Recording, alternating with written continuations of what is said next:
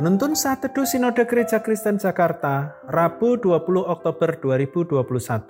Kekuatan dalam penyembahan, Efesus pasal 2 ayat yang ke-6.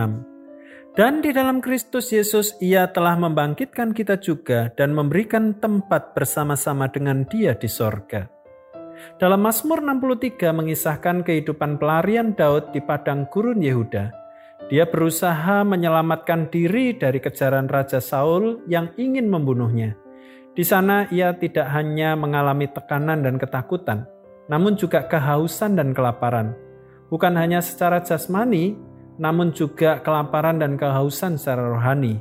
Dua aspek sekaligus dalam satu peristiwa, jasmani dan rohani.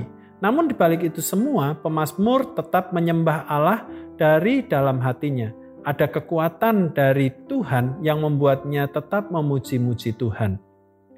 Rasul Paulus memperlihatkan kepada jemaat Efesus bahwa kehidupan mereka di masa silam yang mengalami tekanan dan ketakutan secara jasmani dan rohani.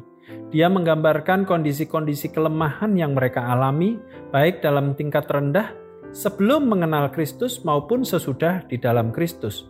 Hal ini dapat terjadi karena Allah sedang mempersiapkan jemaat ini melalui ujian dan meneguhkan mereka. Allah memberikan kemenangan melalui karya salib Kristus. Dalam menghadapi berbagai situasi sulit, tentu jemaat ini membutuhkan kekuatan dalam menghadapinya. Kekuatan itu ada di dalam kasih karunia Allah melalui Kristus Yesus. Hal itu dikatakan Paulus di dalam Kristus Yesus. Ia telah membangkitkan kita juga dan memberikan tempat bersama-sama dengan Dia di sorga. Ayat yang ke-6. Kristus membangkitkan jemaat ini dari kematian dan menang bersamanya, bahkan mereka memiliki jaminan tempat bersama dengan Dia di sorga. Kemenangan Kristus adalah kekuatan dari Allah yang diberikan kepada jemaat Efesus, sehingga mereka akan selalu memuji-muji Allah meski menghadapi berbagai kesulitan hidup. Kekuatan hidup kita hanya ada di dalam kebangkitan Kristus dari kematian. Kebangkitannya adalah kemenangan sejati yang diberikan Allah kepada kita. Itu sekaligus menjadi kekuatan dari Allah yang menopang kita menjalani kehidupan di tengah-tengah berbagai kesulitan yang kita hadapi, sehingga kita akan selalu memuji-muji Allah di setiap kondisi yang terjadi, termasuk di masa sulit akibat pandemi saat ini.